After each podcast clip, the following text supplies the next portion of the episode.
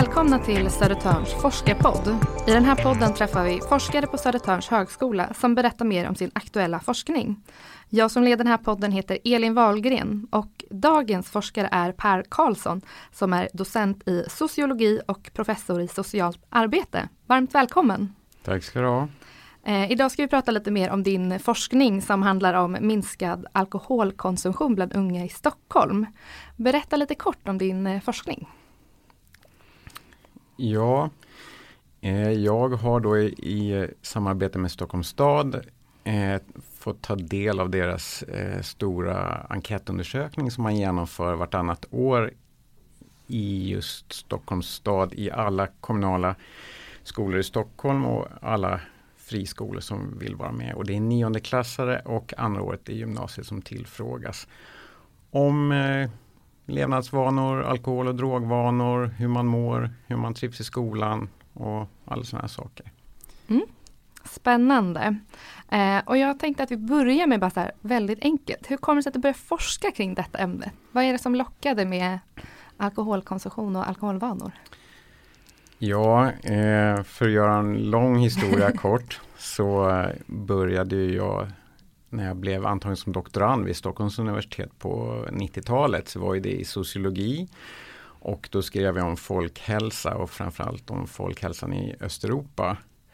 Och skriver man om folkhälsa i största allmänhet och kanske särskilt om man skriver om folkhälsa i Östeuropa då kommer ju alltid det här med alkoholen eh, upp väldigt snart som någon slags eh, del av förklaringen i alla fall till att människor mår som de mår. Så alkoholen har alltid funnits där även om jag kanske tidigare haft ett annat fokus med på, på olika typer av hälsomått och olika aspekter av hälsa. Men eh, sen så när jag fick en tjänst då på Södertörns högskola som lektor i socialt arbete så tänkte jag att det kanske var bra att jag kanske fokuserade lite mer på saker som i alla fall tydligare relaterat till socialt arbete mer än generella hälsofrågor. Och då tänkte jag att alkohol, det har jag alltid sysslat med lite med vänsterhanden sådär. Så om jag skulle gå in för det lite mer på allvar då ett tag och se. Dessutom så har jag ju sedan, sen länge ett nätverk med forskarkollegor som är jätteduktiga alkoholforskare som jag känt sedan 20 år tillbaka. Så jag hade ju liksom stöd eh, från dem och kunde ta hjälp om det var någonting som jag inte begrep. Eller, ja, så. så jag känner mig ganska hemma redan från början. Men då har du forskat i övriga Europa tidigare också eller mm. inte bara Sverige helt enkelt Nej, och svenska alkoholvanor? Framförallt så har jag tittat på, på länder i central och Östeuropa och kanske allra mest på, på Ryssland. Då. Eh, men nu sedan några år tillbaka så har väl mitt huvudsakliga fokus varit på Sverige och kanske allra helst Stockholm. Hur kommer det sig att det blev just eh, Stockholm som har blivit den senaste tidens fokus? Eh, det var ju av faktiskt ganska praktiska skäl. Det var att jag fick nys om den här Stockholmsenkäten då, som Stockholms stad genomför. Eh, och så förstod jag att det här materialet var tillgängligt och jag kontaktade dem. Eh, och jag såg det som en möjlighet dels för min egen forskning men också i undervisningssammanhang att kunna erbjuda studenter som ska skriva sina examensarbeten och så vidare. Att man kunde erbjuda ett fint material med Stockholms perspektiv. Det tänkte jag tänkte att det kommer många studenter tycka verkar spännande. Mm. Så det var lite så jag, hamnade just specifikt i, i, i Stockholmsungdomarna. Då. Mm. Genomförs det liknande enkäter i resterande landet eller är det just Stockholm som är speciellt genom att genomföra eh, det här till den här, den här Stockholmsenkäten genomförs faktiskt inte bara i Stockholms stad utan i alla kommuner utom två i Stockholms län. Eh, utöver det om vi ser oss omkring längre ut i landet så finns det en, en liknande enkätundersökning som genomförs av CAN, Centralförbundet för alkohol och narkotikaupplysning. Den enkäten är jättelik Stockholmsenkäten.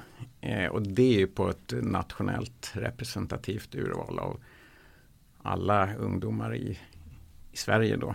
Och den undersökningen har man genomfört sedan 70-talet. Så, det finns liknande, ja. Mm. Och eh, jag tänker på vilken inställning gick in i det här forskningsarbetet i Stockholm. Hade ni någon tes innan ni började eller hur, eh, Vilken öppningsscenario hade ni när ni gick in i det? Jag har ju ställt lite olika frågor nu de här åren jag jobbat med Stockholmsenkäten. Den, den, den första frågan som jag ställde och som jag också hjälpte ett par studenter med att ställa när de skrev sitt examensarbete. Det var att vi intresserade oss för eh, skillnaden mellan olika stadsdelar i Stockholm. Varför det var så att man drack mycket mer vissa stadsdelar än i andra. Och det som kanske var allra mest spännande var väl att vi hittade saker som man kanske inte trodde sig skulle hitta.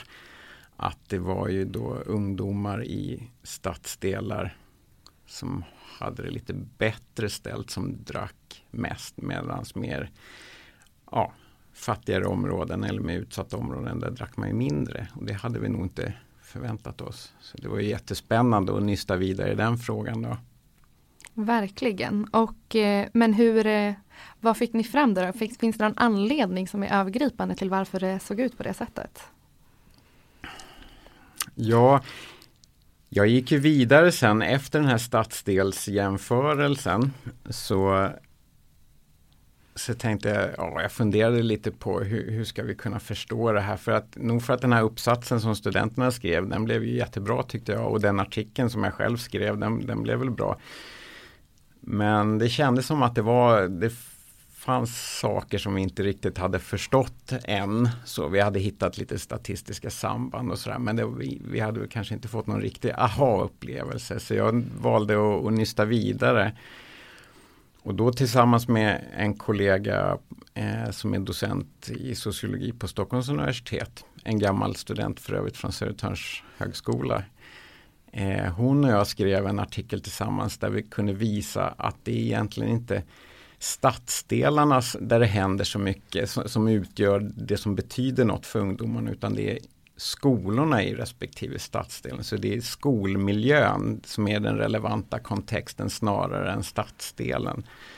Så, så det är skolmiljön som gör att som beror på hur un mycket ungdomar dricker? Ja, just det det finns ju många förklaringar men det är i alla fall en viktig förklaring att det, vilken skola du går på spelar stor roll för hur mycket du dricker, hur du dricker, vad du dricker, hur ofta du dricker.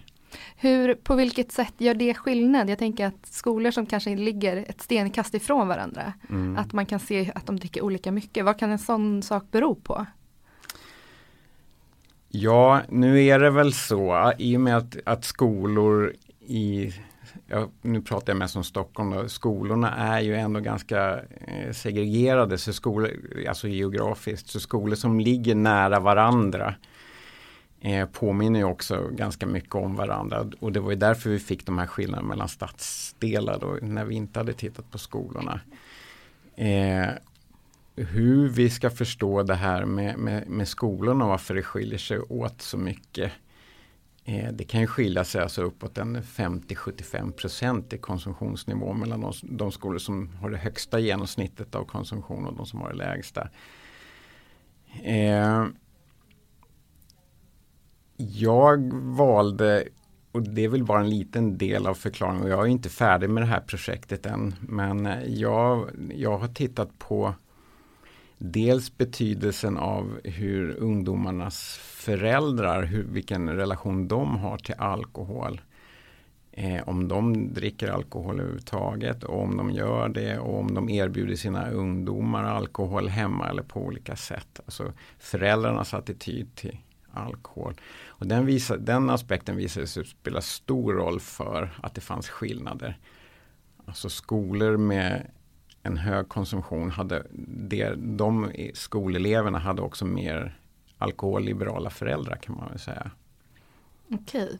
Jag tänker också på, vi pratar om skillnader i olika utsatta områden. Mm. Och jag, om jag får vara lite, får anta saker, men ofta så finns det även mer eh, religionstillhörigheter utanför i förorterna, till exempel muslimer och så vidare som har en mindre liberal alkoholsyn. Ja. Ser man skillnad även på det, eller har man kollat på den skillnaden? Ja, eh, det finns en del studier gjorda på det där man har tagit hänsyn till, till ursprung då, alltså var, var, man är född någonstans. Och det har även jag gjort lite grann i, i, i några av mina studier. Nu är det ju så att vi av olika skäl inte får samla in vilken information som helst när det handlar om människors ursprung. Mm. Eh, så de här måtten vi har, eller som jag har kunnat använda, de är väldigt grova. Det handlar om huruvida du är född i Sverige eller inte. Om, okay. du, om du inte är född i Sverige, hur många år har du bott i Sverige? Det kan jag eh, ta hänsyn till då. Däremot så, så, kan jag inte ta hänsyn till vilken religion man har eller, eller så, för det, det får vi helt enkelt inte fråga om. Det finns ju dock andra studier internationellt som har tittat på, på liknande aspekter. Och det finns ju, det är ju så att vissa religioner där, där dricker man inte alls eller i alla fall så det dricks det väldigt mycket mindre. Eh, så är det ju. Men den här aspekten, den etniska, kulturella, religiösa, vad man nu vill kalla den för, den förklarar i alla fall väldigt mycket mindre än vad, vad många kanske tror. Och den förklarar inte alls i närheten av, av all den variationen som finns mellan skolorna. Så att eh, förklaringen ligger nog hu i huvudsak någon annanstans. Mm. Um, och du pratade även om uh, det här med hur länge man har bott i Sverige. Ja. Uh, vad ser man för skillnad där då? Ser man skillnad i den alkoholkonsumtionen? Jag har inte tittat jag har inte haft det egentligen som något syfte att titta på det men jag, jag har ju sett resultaten när de flyger förbi och det finns väl vissa skillnader. De är inte så jättestora faktiskt men vissa skillnader finns det. Ja, där, där, eh, alltså de som dricker mest det är ju de som är födda i Sverige eh, och bor i Stockholms innerstad.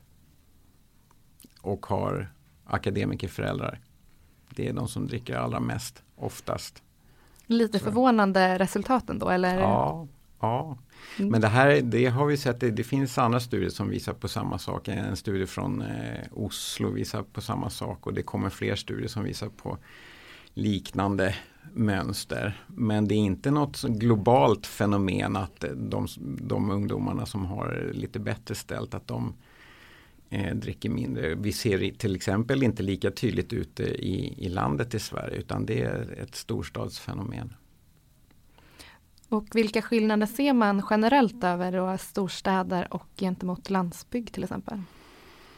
Eh, det har jag inte tittat på så mycket. Nu har jag precis här sökt nya forskningspengar. Det är ju eh, väldigt mycket av en forskares vardag är att eh, sitta och, och, söka pengar och fantisera om saker man ska göra härnäst. Då. Så det hoppas jag kunna bli ett kommande projekt där vi ska jämföra eh, Sveriges ja, större städer med landsbygden. Eh, man kan väl säga så att kanske konsumtionsnivåerna hur mycket man dricker i genomsnitt kanske inte skiljer sig jättemycket mellan stad och land. Eh, men hur man dricker skiljer sig en del och dessutom så vet vi från tidigare forskning att eh, alla de negativa konsekvenser som kan komma av att man dricker alkohol, särskilt bland ungdomar då kanske, de konsekvenserna är mer negativa eller var, mer vanligt förekommande på landet än i storstan. Och eh, varför det förhåller sig på det sättet, ja då får jag komma tillbaka hit om ett år ungefär när, när det projektet är färdigt så får vi se vad jag har hittat. Ja, kul att se hur den, det följer alltså det ja, arbetet. Ja. Eh, jo, men det ni har kollat mycket på är ju också tids, alltså tidsspannet, skillnaden mellan förr och nu kan man säga. Eh, och eh, just att det har minskat då generellt. Berätta lite om det, vad ja. ni har kommit fram till. Ja, jag tycker nog det är den allra mest intressanta frågan av, av alla. Måste jag säga och det är den frågan som inte bara jag utan många i alkoholforskningen ställer sig både i Sverige och globalt idag. För det är, det är inte bara ett svenskt fenomen utan ett globalt fenomen att alkoholkonsumtionen sjunker kraftigt bland unga. I Sverige kan vi se att konsumtionen eh, sjunker i befolkningen totalt sett. även bland vuxna så sjunker befolkningen. Det är egentligen bara de allra äldsta generationerna eh, och de som bor i Sverige där konsumtionen faktiskt ser ut att öka lite grann. Så ju, ju yngre generation vi tittar på desto mer ser eh, konsumtionen ut att, minska. Då. Och, och, särskilt då bland de ungdomar som jag kanske har fokuserat mest på, ja, de som är runt 15-16 år. Där har det ju minskat väldigt mycket. Och eh, nu är, befinner vi oss i forskningsfronten, alltså det, det, finns inga färdiga förklaringar utan vi håller på att leta och skriva och forska och diskutera med varandra och åker på konferensen och debatterar och vänder ut och in på de här frågorna. För vi vet faktiskt inte. Det finns ett antal hypoteser då om hur det här skulle kunna hänga ihop och vissa hypoteser har väl kunnat avfärdas medan andra har fått eh, en del stöd och ja, det är där vi befinner oss. Vad är det för hypoteser som lyfts? Kan du gå in på det? Eh, ja, det är några hypoteser som, som jag ofta möter från, från lekmän också när jag är ute och föreläser och från studenter och när man är runt om i samhället och berättar om, om det här. Eh, och de hypoteserna finns ju även i forskningen och en hypotes som vi kan avfärda på en gång det är ju att det skulle ha pågått någon slags eh, den här demografiska förändringen att på grund av invandring och en större eh, andel eh, i befolkningen som har en annan kulturell bakgrund att det skulle kunna förklara minskningen. Det är inte förklaringen. Det, så mycket kan vi, kan vi säga och jag kan återkomma strax till, till mm. varför det är så. Eh, en annan förklaring till, till varför ungdomar skulle dricka mindre idag än tidigare är, har ju, har ju framförts att det skulle kunna vara det här med dataspel. Att det, kidsen sitter hemma idag och, och framför sina datorer. Och att de dels kanske inte har tid eller intresse för att dra ut på stan och röja. Men också att Sitter man hemma som 15-åring på sitt rum så ökar även den sociala kontrollen för då sitter ju föräldrarna förmodligen i, i rummet bredvid och tittar på tv eller någonting. Så att det skulle vara svårare då och inte lika tillgängligt. Eh, den förklaringen har väl inte heller riktigt fått något eh, vettigt stöd ärligt talat. Eh, nu var jag på en konferens med, med Systembolaget här häromveckan och eh, pratade med, med forskare där lite grann. Och en, en möjlig hypotes som kanske inte riktigt har prövats än men som jag tycker verkar lovande det är att det, det är någonting som har hänt med ungdomar som, alltså någon omständighet som egentligen inte bara handlar om alkohol utan att ungdomar växer upp i en annan kontext och andra värderingar mer generellt. Eh, så att det är, jag tror att vi bör nog leta efter förklaringar som kanske inte är nödvändigtvis är alkoholspecifika utan som handlar om vuxenblivande och ja, att växa upp i, i, i dagens samhälle helt enkelt. Mm. Och vad det kan vara det, det vågar jag inte riktigt ge mig in på i, idag. Nej. Uh, en, eh, när jag har frågat eh, vänner lite vad de tror angående det här med minskad alkoholkonsumtion så är det många som har tagit upp att vi har fått en liberalare drogsyn. Mm. Att man använder sig av andra liksom, ja. droger då istället för alkohol. Mm. Är det någon tes som man har lyft och vad tänker man kring det? Det är en hypotes som har prövats och den, den har jag hört många gånger också. Då. Eh, det är sant att eh, det ser ut nu, om vi följer till exempel CANs mätningar som man har gjort av eh, droganvändning och alkohol sedan 70-talet så de senaste åren så har vi sett en viss ökning av vissa typer av droger bland ungdomar.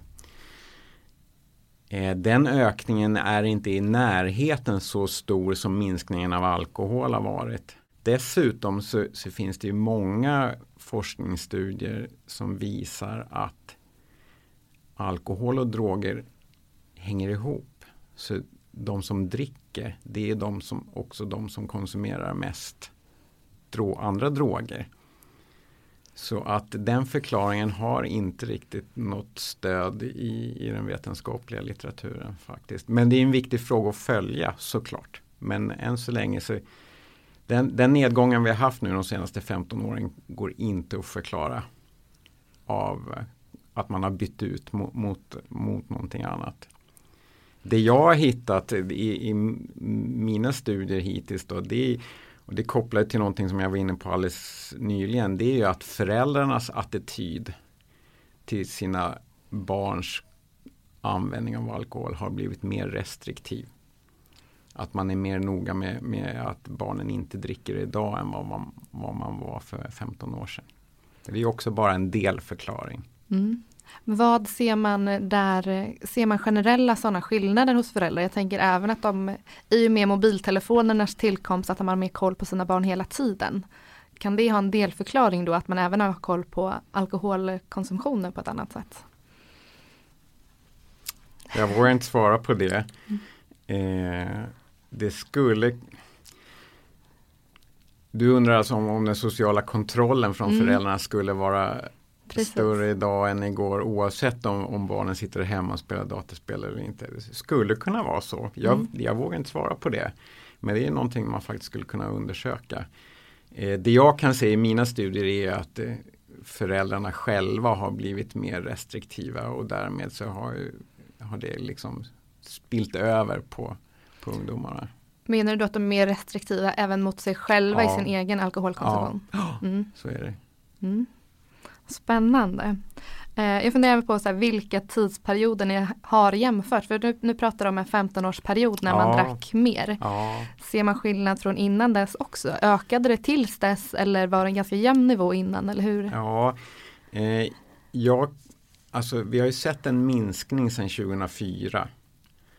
Eh, dessförinnan så hade vi faktiskt en ökning, nu kommer jag inte ihåg årtalen sådär jättenoga men när Sverige gick med i EU till exempel eh, och alkoholpolitiken i alla fall förändrades lite grann. Det blev ju möjligt att eh, Systembolaget fick vi behålla och alkoholmonopolet men det blev ju möjligt att ta in mer alkohol från utlandet än vad det var tidigare. Så det har ju skett en liberalisering av, av svensk alkoholpolitik även om den fortfarande är, är restriktiv. Eh, och det, så vi såg en uppgång i slutet av 90-talet och eh, i början av 2000-talet. Och därefter har det minskat. Men man får ju vara lite försiktig här också att liksom tacka det svenska alkoholmonopolet eller vår, vår alkoholpolitik som jag hävdar har tjänat oss väl här, eh, i alla fall vår folkhälsa i Sverige. Men när det kommer till förklaring av förändringar så får man ju vara lite försiktig eftersom de här förändringarna i konsumtion de är ju globala eller kanske inte i varenda land men, men i, i, de länder som man har studerat framförallt i västvärlden. Då. Så vi ser det i, i Australien, vi ser det i USA, vi ser det i Storbritannien, i Tyskland, Sverige.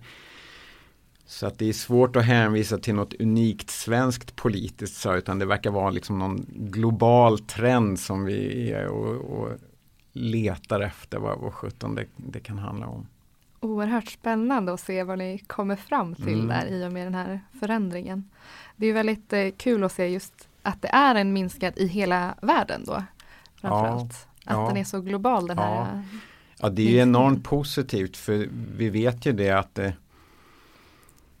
Alltså just i ungdomen, det är då man skapar sig, alltså skapar sig sin egen identitet, man blir, att bli vuxen helt enkelt. Och, och liksom de omständigheter som gäller och det du gör och hur du lever och hur du har det i din ungdom får ju stora konsekvenser för hur du, hur du kommer att må, hur, hur länge du kommer leva, var du kommer bo, hur frisk du kommer vara även i, i det vuxna livet. Så grundlägger man en, en, redan i ungdomen en lite mer hälsosam livsstil så är det en god investering för, för ett framtida hälsosamt liv. Så jag tror att vi kommer se positiva effekter på folkhälsan också eh, framöver. Absolut. Kul. De, eh, du sa att de eh, får bättre en ökad bättre folkhälsa helt enkelt. Ja. I och med att de dricker mindre nu. Ja. Ser man också att de kommer fortsätta dricka lite? Har man följt upp det här på något sätt att liksom deras den minskningen kommer fortsätta upp ja, i deras vuxna ja. ålder? Det har, jag har inte tittat på det men det finns annan forskning som har studerat det att den det alkoholbeteende eller de alkoholvanor som du anlägger i din ungdom. Det är de vanorna du med största sannolikhet kommer att hålla dig kvar vid även i vuxen ålder. Så det, det är klart att det finns undantag men om vi pratar tendenserna så, så är det ett väldigt tydligt mönster. Så, ja, så vi kan förvänta oss att när de här ungdomarna växer upp och blir äldre och, och gamla så kommer de fortfarande vara mer restriktiva än vad, än vad vi någonsin var mm. som ungdomar. Just det. Mm. Jättespännande. Jag tycker att det här ska bli enormt kul att fortsätta följa och se vad ni kommer fram till som ja. sagt och se vad det kan bero på helt enkelt.